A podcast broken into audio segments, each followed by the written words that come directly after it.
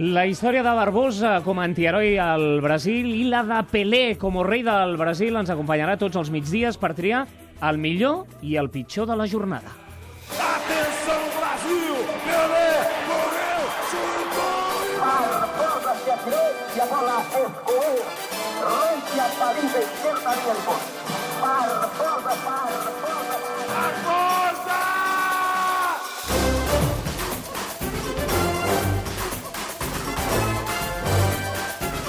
Pelés i Barboses. Xavier Campos, això no ha començat, però tenim ja el nostre primer Pelé? És una aposta arriscada, però sí que el tenim.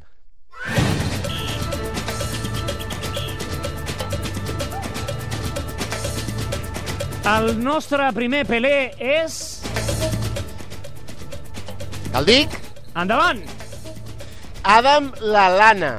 Seria el Pelé de l'any 58, el primer Pelé, la revelació del torneig. Lalana és un anglès, juga al Southampton, aquest any l'ha entrenat Mauricio Pochettino, i surt eh, una mica o molt del prototip de jugador anglès. Trenca el tòpic. Sembla jugador llatí, és molt hàbil amb les dues cames, té gol, i si el seleccionador anglès Hudson li dona un paper important, li pot donar a Anglaterra un salt de qualitat molt important, un toc que no habitualment no ha tingut i més opcions d'arribar molt lluny en aquest Mundial.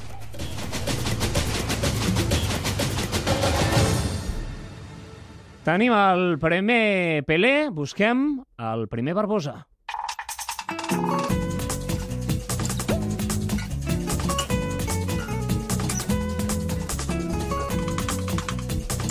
Campos, qui és el primer Moazir Barbosa d'aquest Mundial?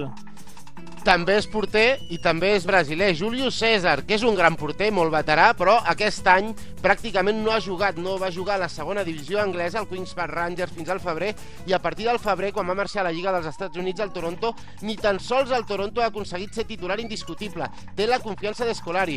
És un porter veterà, amb una trajectòria impecable, notable, campió d'Europa amb l'Inter, però el seu present genera dubtes, i la gent al Brasil no confia del tot en Julio César. Qui sap si potser és perquè la gent encara té el cap barbosa.